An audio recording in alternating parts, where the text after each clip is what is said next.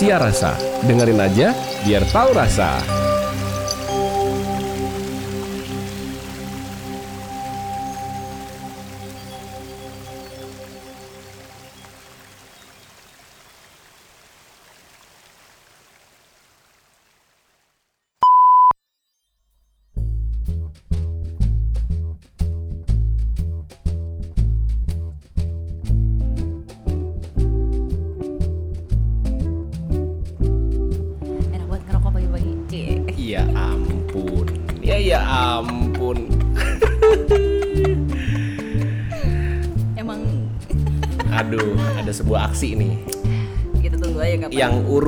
Dilakukan iya, sih. dari tadi menunggu kapan Betul, gitu kan.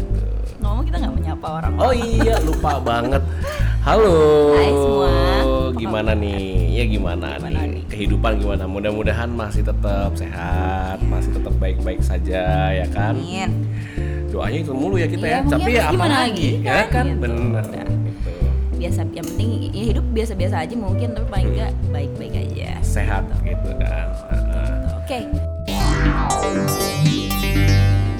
Siar rasa.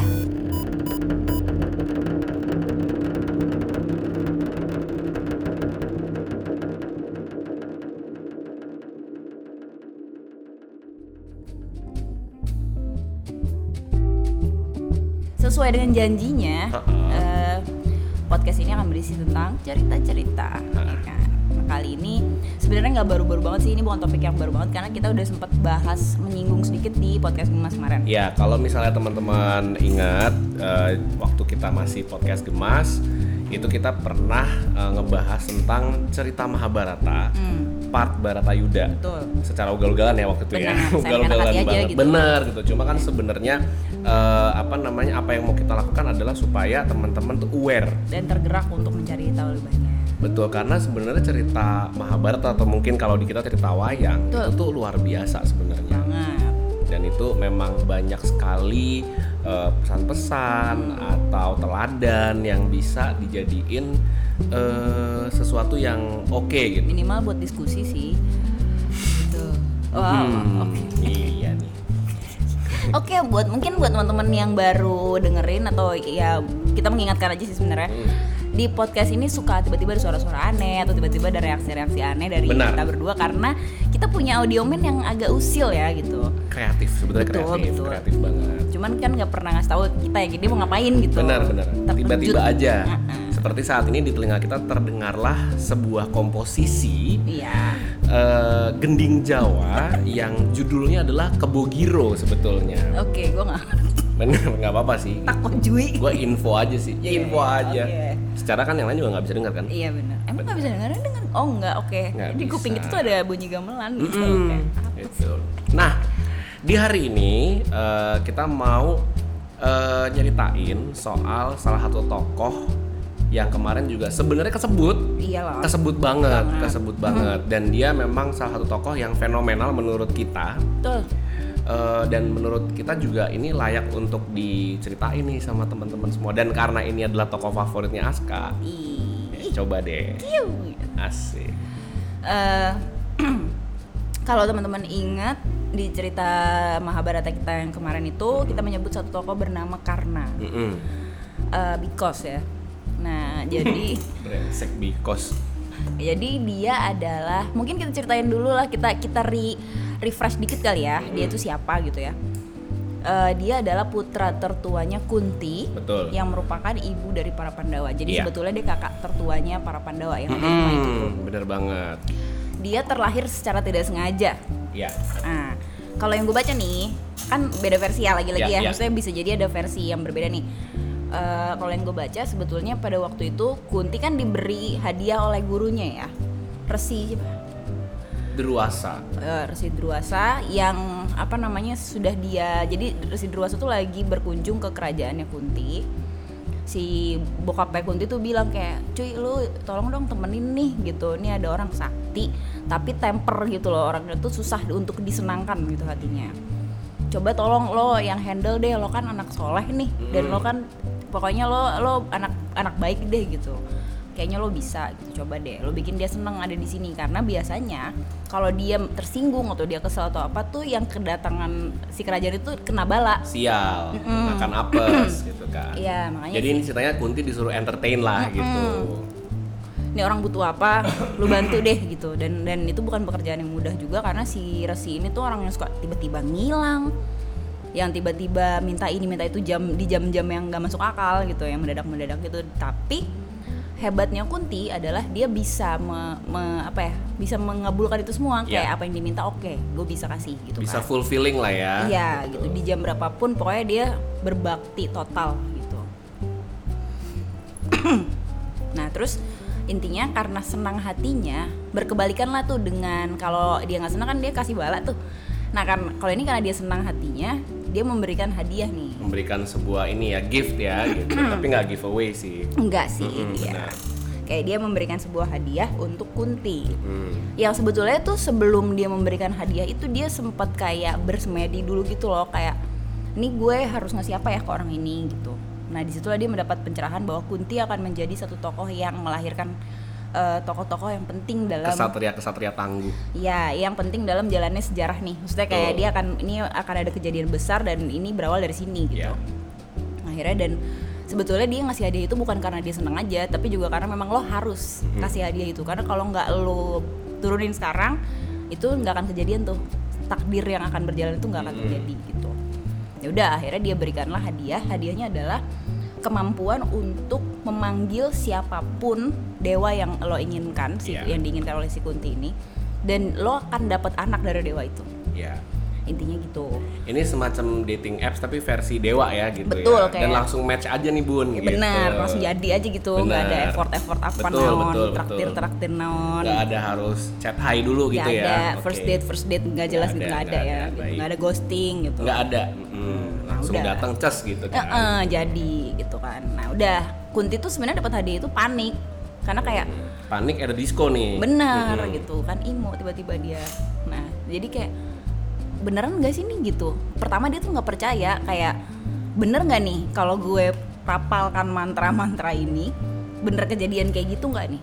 Kalau emang bener kejadian kenapa gue? Gitu kan. Sebenarnya kan paniknya dia itu tuh. Dan itu diceritakan bahwa Kunti tuh jadi muram kebanyakan kayak orang depresi gitu deh kayak oh jadi sobat depresi ya? Iya overthinking gitu yang bahkan orang-orang tuh disuruh jangan deket-deket gue bapaknya juga sampai nanya lo kenapa? gitu gitulah. Mungkin Kunti Capricorn ya Oh, jadi overthinking. kenapa nih? Anjing. Brengsek. Iya gitu. Nah terus ya udahlah akhirnya tapi suatu hari dia kayak akhirnya cerita gitu kayak ada apa sih semacam dayang terdekatnya Mhm. dia gitu. Dia cerita tentang itu tapi lo jangan bilang siapa-siapa ya gitu. Bahwa gue diberikan kemampuan ini. Gue gue mesti gimana nih gitu kan. Terus dayangnya bilang lo kalau emang lu percaya sama si resi itu dia tuh orang sakti. Dan kalau lu percaya takdir ya udah nggak mungkin ada keburukan yang muncul dari situ untuk lo jadi intinya nih positif positif aja gitu iya kan. jangan netting cuy gitu kan. Terus kayak lagian kalau emang takdir lu mau lari ke mana juga nggak akan nggak bakalan bisa gitu loh. Misalnya akan Hmm. tetap terjadi. Ya udah akhirnya suatu hari Kunti mutusin untuk kayak udah deh coba deh gue tes gitu Oke, kita Kepo. ini ya, kita cek nih gitu kan. Mm, kejadiannya tuh adalah pagi-pagi dia bangun buka jendela matahari terbit wah bagus banget sunrise gitu kan terus dia mikir wah kayaknya gue mau nih ketemu sama si keindahan ini dalam bentuk manusia gitu Oh. akhirnya dicobain lah dipraktekkan si mantra itu dan betul datanglah dewa surya Hmm. pro Oh. Nggak ya? 16. benar Hmm. banyak datang nih si dewa itu datang set terus kayak dia panik kan ketakutan Hmm. gitu yang nyembah gitu langsung lah. Wah terus udah gitu si dewanya bilang udah jangan takut tenang aja. Lu lu tuh udah tahu kan? Lu udah dikasih tahu kalau lu baca itu otomatis datang nih Iya. gue. Lu panggil gue juga tidak bisa menolak. Gitu Hmm. intinya. Gue harus ada di sini dan dengan adanya mantra itu gue harus memberi lu anak. Ya, jadi itu sebuah keharusan juga buat si dewa suryanya itu. Benar. Nah, benar di akhirnya udahlah terus Kunti bilang, tapi please cuy gue tetap perawan ya gitu, Hmm. karena kalau enggak gue diceng-cengin nih sama Dihujat satu negara nih, Iya, ya gitu. kan, menjadi pergunjingan nih. bener netizen belum siap coy Benar, gitu ya kan. publik tidak siap. Benar. Hmm. Ya udah akhirnya iya udah tenang, lo akan tetap perawan somehow, lo akan melahirkan anak tapi lo akan tetap perawan. udah akhirnya bener lah ternyata setelah cabut nih si dewa ini bener hamil nih Kunti Oke. dan itu diceritakan bahwa dia bersembunyi lah intinya dia nggak mau ketemu siapa-siapa cuma didampingin oleh dayangnya itu doang dayang itu juga dialah yang mencarikan bidan yang bisa dipercaya dari jauh gitu kayak dari kampung mana nggak Yang tahu jelas lah dayang ini bukan dayang sumbi betul ya. kalau itu sih tumang ya Bener. Jadi, urusannya masih tumang Heeh. nah udah nih eh, lahirlah nih anak ini sampai Mm. lahir anak ini tuh nggak ada yang tahu nih kalau yang gue baca tuh gitu Ya.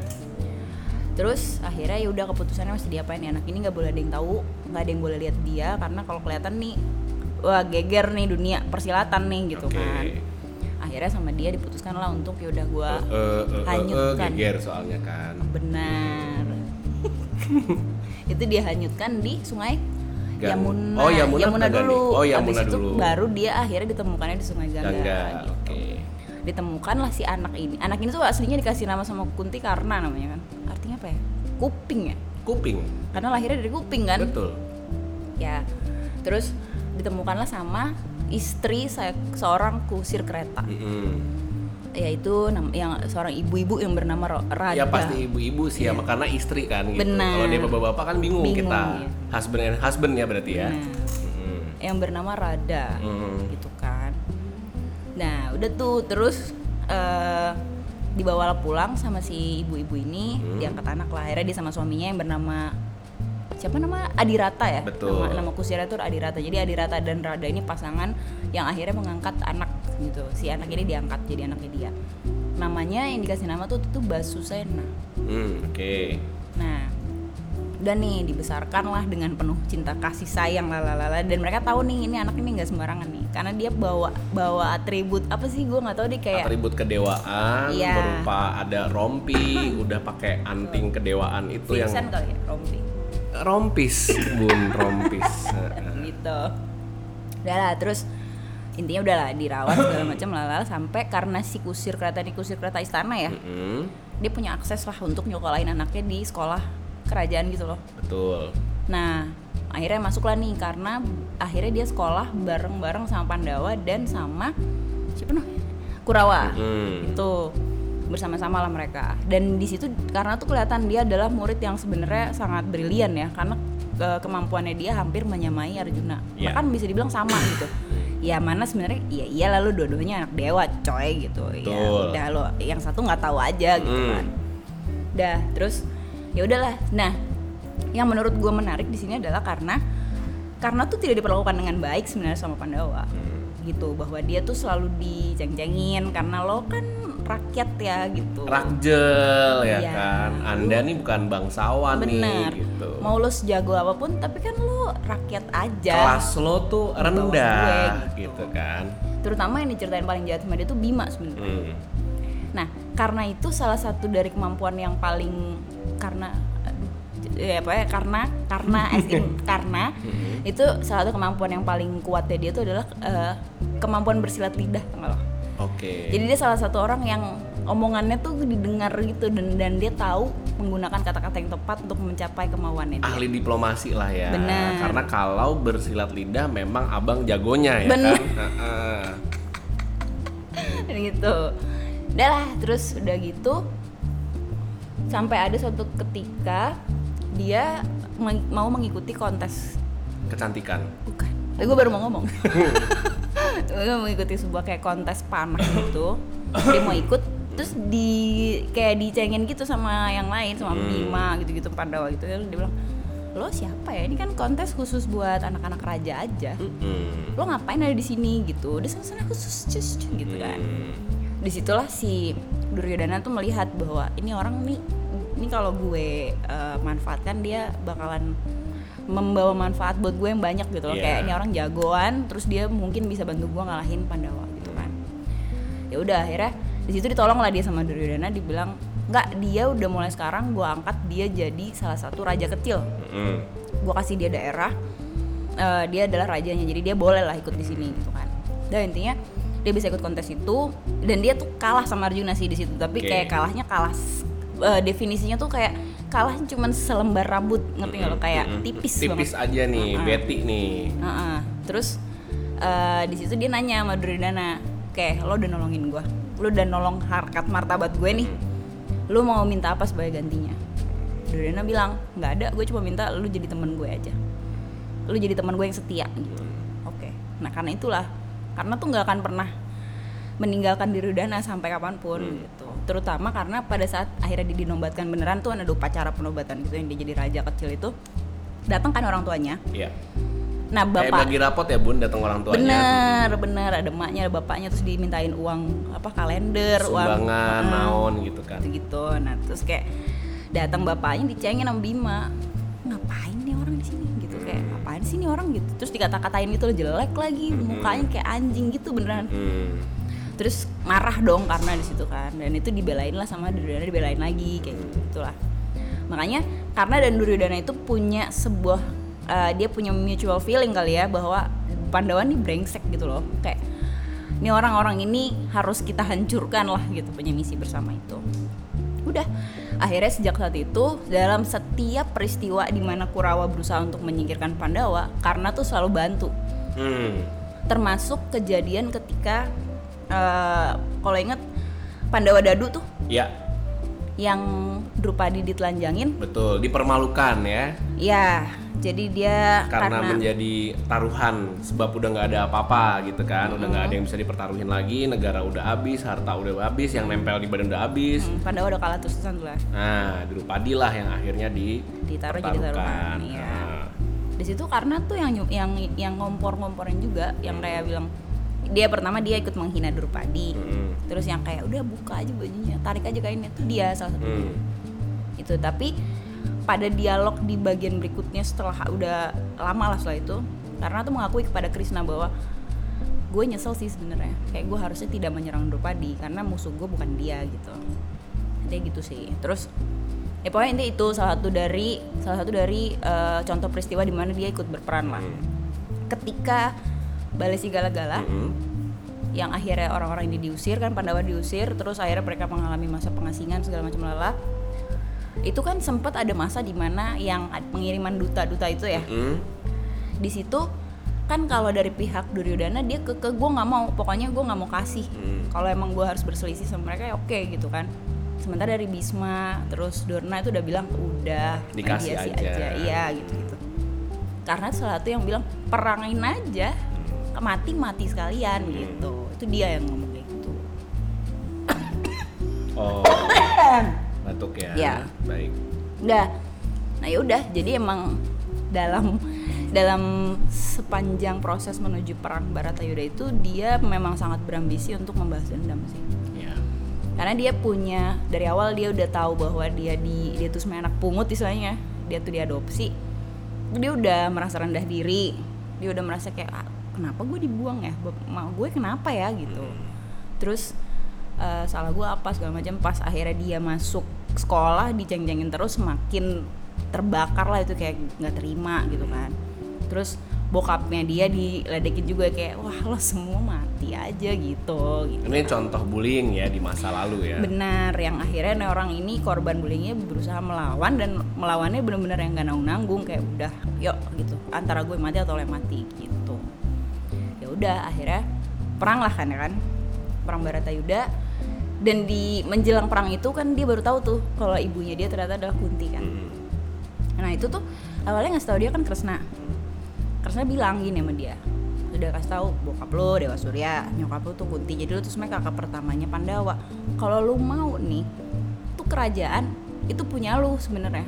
Karena lo yang paling tua lo lebih berhak dari Yudhistira.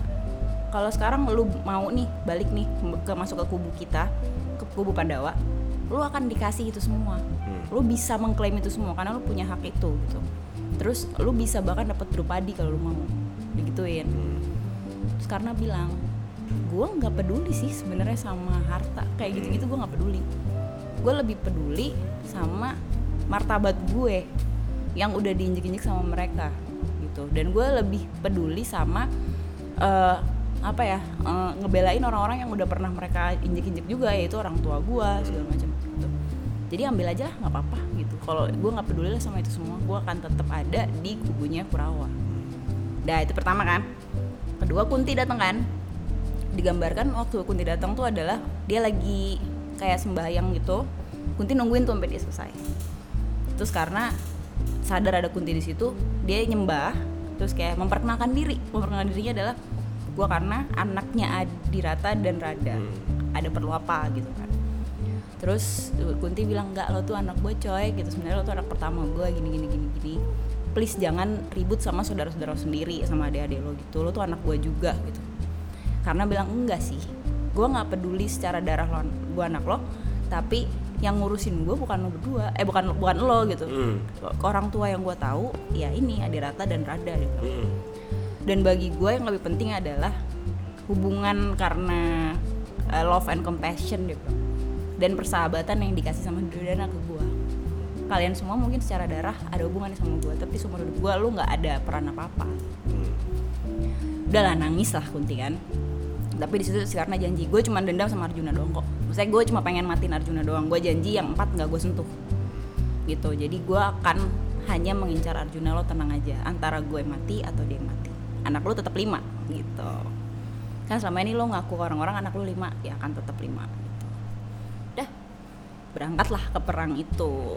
Nah itulah yang ceritain kemarin selama di podcast Mas itu ya.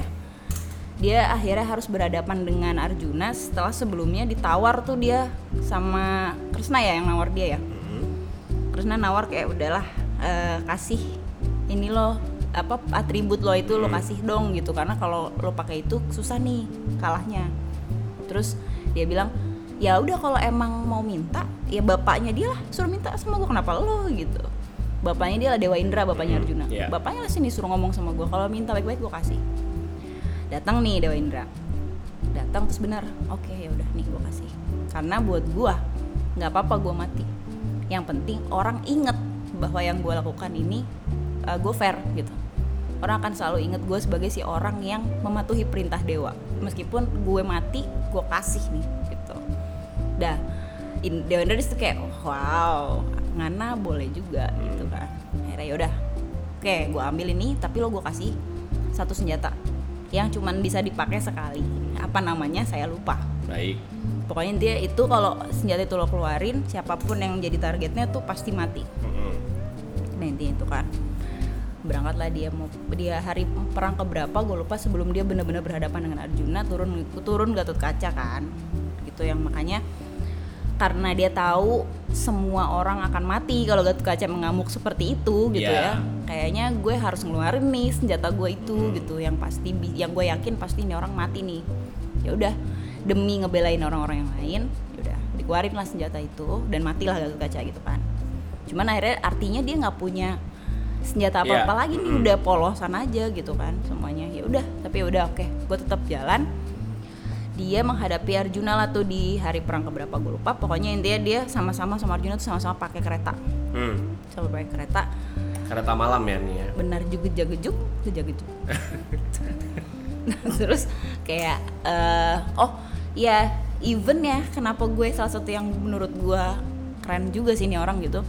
Dia udah nggak punya apa-apa tuh ya Hmm. atribut itu udah diambil semua. Dia udah nggak punya senjata itu lagi. Bahan bakarnya cuman marah sama perasaan tidak adil itu ya itu dia kan tetap bisa membuat Arjuna kesusahan loh Ya.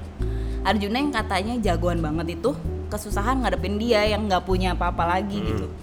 Artinya lu bisa bayangin lah, meskipun mungkin secara skill kayak lah dia 11-12 tapi secara tekad nih orang dia pegang banget gitu omongannya dia gue mau matiin orang ini antara dia atau gue mati bodoh Hmm. amat gitu. Ya udah akhirnya eh, sampai pada akhirnya si Kresna ya yang mengajukan bahwa ini nggak bisa kayak gini terus sasar aja keretanya supaya ambles gitu akhirnya keretanya dia yang diserang brek. lupa ya gue pokoknya intinya ambles lah keretanya dan akhirnya berhasil lah dia di die gitu di slain gitu kan mati gitu itulah akhir dari cerita cinta Innalillahi wa inna ilaihi raji'un. Oh. Iya, jadi eh, mungkin gua akan akan eh, ada Melengkapi ya? ah, ah, VA. bukan melengkapi tapi mungkin dari versi yang gua tahu. Misalnya saja persoalan eh, apa namanya pemberian giveaway ilmu tadi kepada Dewi Kunti gitu ya.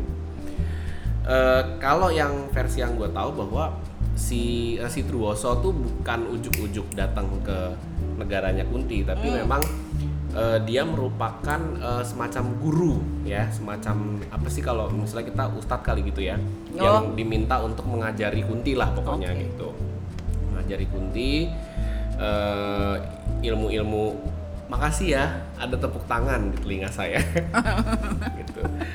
Eh, mengajari Kunti berbagai pengetahuan, ilmu ilmu keagamaan, apalah segala macam. Budi pekerti. Iya gitu sampai akhirnya eh, Kunti ternyata adalah siswa yang baik ya kan siswa yang baik siswa yang pandai menyenangkan gurunya Hmm. sehingga akhirnya gurunya pun memberikan eh, hadiah berupa tadi Oke. eh, ilmu pemanggil dewa tadi Hmm. nah IPD. lalu- bener IPD ilmu pemanggil dewa ya bun ya gitu kalau pakai N jadi nasional nih gitu Hmm. Benar. kan lalu nah dicobain nih oleh Kunti nah kalau tadi mungkin cerita lu dia buka jendela dia lihat matahari bagus apa segala macam lalu dites dipanggil dewa surya versi yang gue tahu adalah dia sedang mandi Hmm. dia lagi mandi lalu mendung Hmm. kamar Bete. mandinya nih open ya gitu Iya, jadi pancuran aja gitu. betul gitu kan gitu open kemudian dia mendung astaga ya Sumpah astaga lagu apa sih?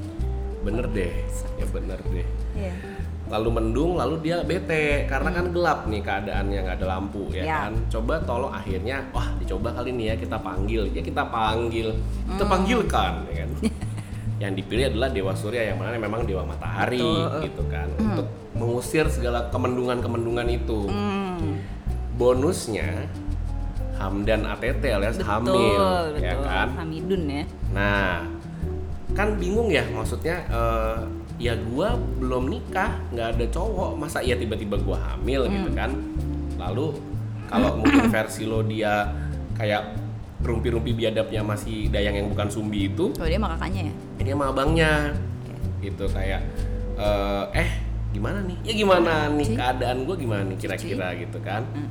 Intinya akhirnya abangnya memberikan solusi ya, solusi cepat nih untuk Eh, anda adalah ya. benar lu nggak mungkin hamil coy lu nggak bisa nih kayak begini Hmm.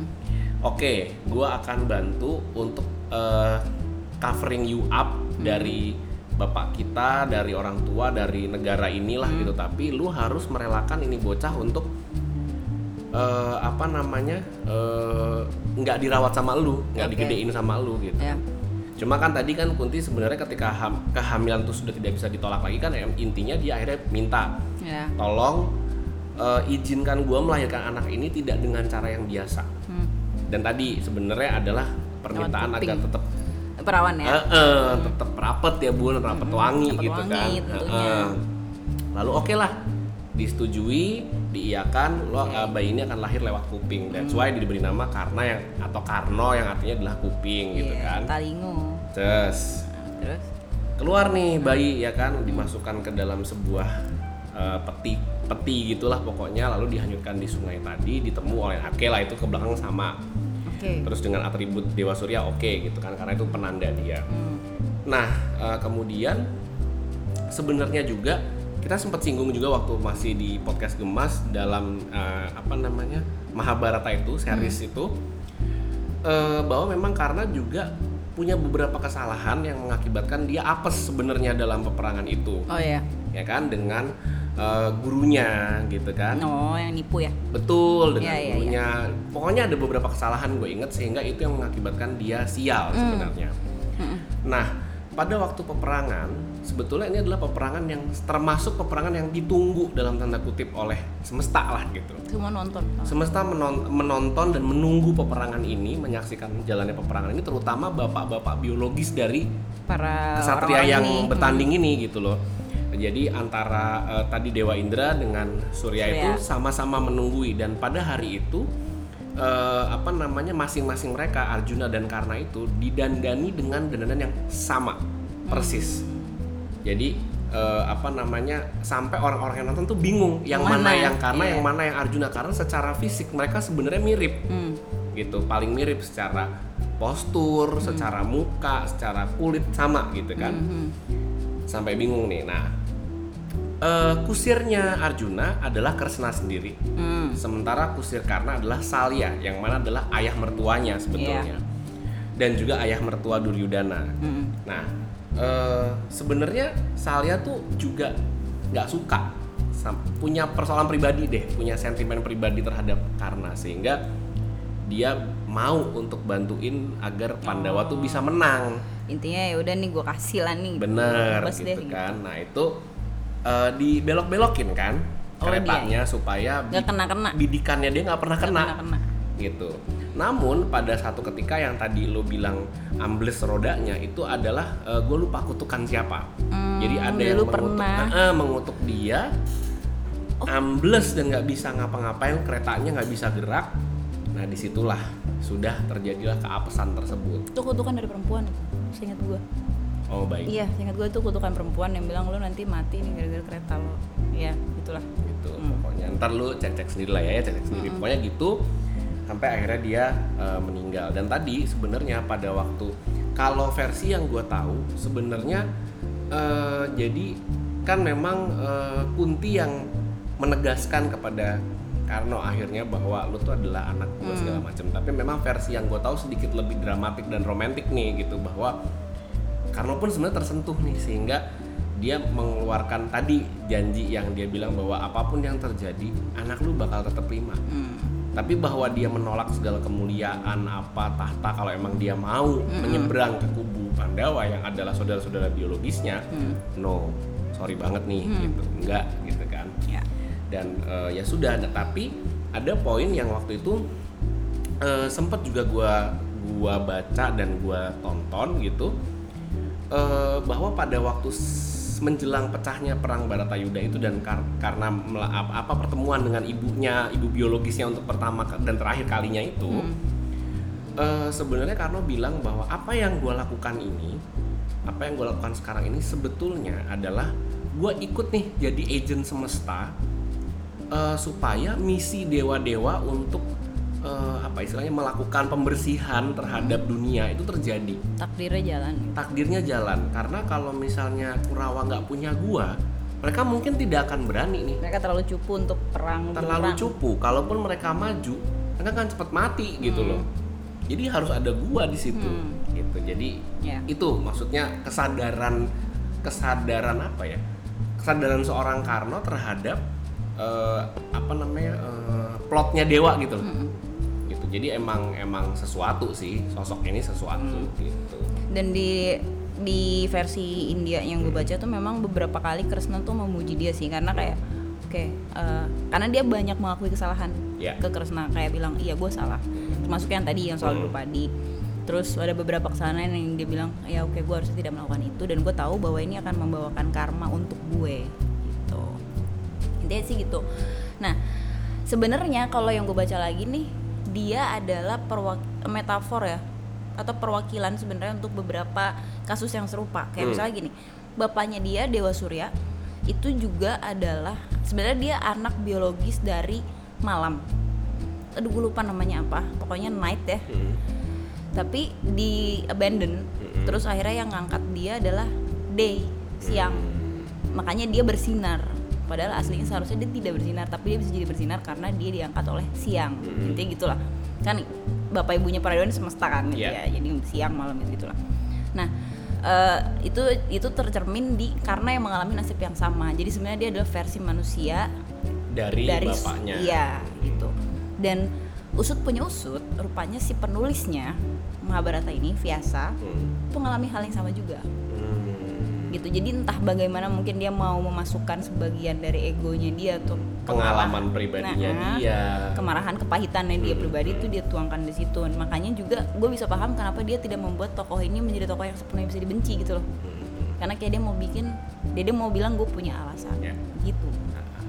Gitu sih. Makanya gue admire dia tuh karena apa ya? Lu tidak bisa menaruh jar kayak ini salah ini benar iya oke beberapa salah beberapa dia yang dilakukan admirable beberapa salah tapi as a whole orang ini jahat atau enggak Hmm, hmm, hmm. kita nggak bisa bilang dia jahat atau Iya, baik iya, gitu maksud gue karena dia juga punya alasan yang masuk akal untuk untuk dia melakukan apa pun yang dia lakukan kan dalam Iya. cerita itu gitu gitu dan maksudnya dan dia stay true dengan itu kalau dia Duryodhana mungkin dia ditawarin kerajaan oke Mm-mm. sikat gitu Mm-mm. cuman ya bahwa dia berpegang pada enggak gue mau membela martabat gue aja yang udah diinjek-injek ini Mm-mm, gitu mm-mm. Ya udah ambil aja kerajaannya gue gak butuh gitu keren sih. Maksudnya gue oke gitu. Lo tuh orang jahat yang tersakiti enggak. Lo tuh Kenapa ya? Kenapa jijik. Nggak maksudnya lo tuh adalah orang jahat adalah orang, baik, yang ini tersakiti. ini ini ini. Geli. Intinya ya lu apa ya? Lu tuh harusnya menjadi wake up call buat orang-orang yang mungkin secara secara sengaja atau tidak itu berlaku buruk sama orang hanya karena kelas gitu. ya ya ya ya Gue kalau jadi Bima thanksin sih. Udah gue ceng-cengin. makanya lo nggak jadi Bima kan Benar. lo jadi Aska kan Bener. Kalau gue jadi Bima gue masuk. Oh enggak itu Bisma ya. kalau lo jadi Bima lo punya kuku kuku Bima Energi. bener drink Bener. Warnanya ungu, yang warna rasa anggur. betul Enak. Tolong tolong. ya Gitu. Maksudnya kalau gue jadi Bima juga wah gila gue udah ngata-ngatain nih orang, gue udah ngeceng-cengin dia. Ngatain bang gue gitu. Ya malu aja sih. Maluku. Maluku bener Gitu. Ya gitu sih. Itu yang membuat gue suka sama si tokoh ini dan memang menjadi diskusi banyak eh, ini ya banyak orang karena menarik lah maksudnya dan dia juga sosok anti hero ya gitu bukan hero nya dia anti hero tapi sama kerennya gitu. Dia tidak cukup kuat untuk dihirokan tetapi dia juga nggak bisa nggak hero iya gitu bener ya bener bener gitu sih. Hanya karena takdir aja dia menjadi si yang kalah gitu. Hanya karena cinta semua kan ku beri. Pantaskah dirimu ku nanti? Alah untuk. Gitu. Gimana? Iya, iya, iya, gimana iya. gimana? Menarik sih gitu. Teman-teman eh di, saya dibaca lagi karena banyak banget bahkan even ada buku yang cuma menceritakan karenanya Hmm, doang hmm, gitu hmm, betul. Kayak gitu keren sih Ya. Ter- termasuk kayak Sri Kandi Sri Kandi juga adalah Hmm. tokoh yang ada bukunya sendiri karena ya lo punya background yang panjang dan kalau lo nggak baca sampai belakang tuh sebenarnya lo nggak paham motivasinya dia tuh apa Iya. sih gitu dan wayang itu kan sebetulnya adalah representasi dari cerita manusia kan Betul. ini sebenarnya wayang tuh menurut gue di luar segala magicnya segala magic tools magic weapon dan segala hal-hal kedewaan yang Betul. di luar nalar manusia sebenarnya humanis banget cerita ini ya karena masing-masing pribadi masing-masing karakter tokohnya itu bener-bener apa ya komplit gitu loh menurut gue luar Iya. biasa banget Mahabharata dan Ramayana dan semua cerita yang kayak gitu karena mereka benar-benar menggambarkan sosok tokoh-tokoh itu as a wholeness gitu loh sebagai manusia yang juga bisa melakukan salah punya alasan tersendiri kenapa dia melakukan ini dan itu kan gitu ya ya dan bahwa perbuatannya dibayar betul dibayar oleh dengan karma gitu lah dibayar dengan OVO kali ya kalau itu kan digital ya Betul. kayak modern sekali benar Terus ada eh, tokoh yang seperti Karna Mhm. di Ramayana. Mhm. Siapa ya? Lu gue lupa. Eh sebentar. apa Pokoknya- kita mau ini kuis ah kita mau Co- kuis coba teman-teman mungkin ada yang tahu ya. Sebentar ya. Pokoknya intinya dia dia ini cerita orang seperti ini tuh tidak muncul hanya satu, satu kali Hmm, dalam hmm. epicnya mereka Iya, epic iya. India kuno ini gitu. Mhm, mhm. Artinya kalau gue ngeliatnya kenapa ini dimunculkan terus karena memang ini orang orang ini tuh ada banget Iya. nih di society gitu gitu yang yang lu taunya dia jahat tapi kan lu nggak tahu kenapa gitu. Iya. itu sih ya seperti Maleficent ya. Benar Kok seperti, seperti kalau di Harry Potter tuh Severus Snape ya gitu. betul. Memang antihero adalah karakter jenis karakter yang paling menarik untuk dimunculkan dalam menarik sebuah- kue ya? Benar menarik kue Priscilla. Gitu sih. Baik. itulah kurang kurang lebih seperti itu kenapa saya menyukai karena Mhm. kalau ada yang versi manusia benerannya bolehlah dikenal kenalin oh baik ya. Mulai nih. Ya mulai, Mulai nih. Kayak gini gini nih. Ya kayak gini gini ini mulai centil. Oh Kumbakarna Hmm. Kumbakarna tuh kayak karena lah Kumbakarna kayak, karena, uh Allah ya gitu. gitu. ya gitu. Ya ya ya ya betul betul. Ya. Tapi mungkin eh, kalau Kumbakarna dia tidak punya masalah dengan eh, apa ya masalah biologis gitu. Maksud gue masalah dia diturunkan dari siapa udah nggak masalah gitu. Udah Hmm. Iya, clear iya. di bagian itu kan gitu. Per- eh, kesamaannya adalah bahwa dia memihak pada pihak yang antagonisnya nih. Tapi padahal dia sebenarnya tidak karena secara hati dia nggak Iya. setuju sama kelakuan abangnya which is Rahwana nih ya gitu. Iya. tapi eh, dia maju perang melawan Rama karena kesetiaan terhadap negara. Setia terhadap negara iya. gitu. Kesetiaan sih sebenarnya sama samanya di situ. Hmm, Lagi. kesetiaan ya baik wow oh ini lagunya lagu Harry Potter gue sebel banget deh teman-teman kita dikasih lagu Harry Potter oke lah kalau gitu mau Baik. gue sih itu Mm-mm, mm-mm. Oke, jadi untuk eh, pembuka dari eh, podcast kita yang mudah-mudahan lebih punya arah ini, gitu mudah-mudahan kan. amin Ah, amin amin, amin. eh, kita membuka dengan eh, cerita tentang Karna, salah satu Because. tokoh wayang, because bener banget ya kan. Bener.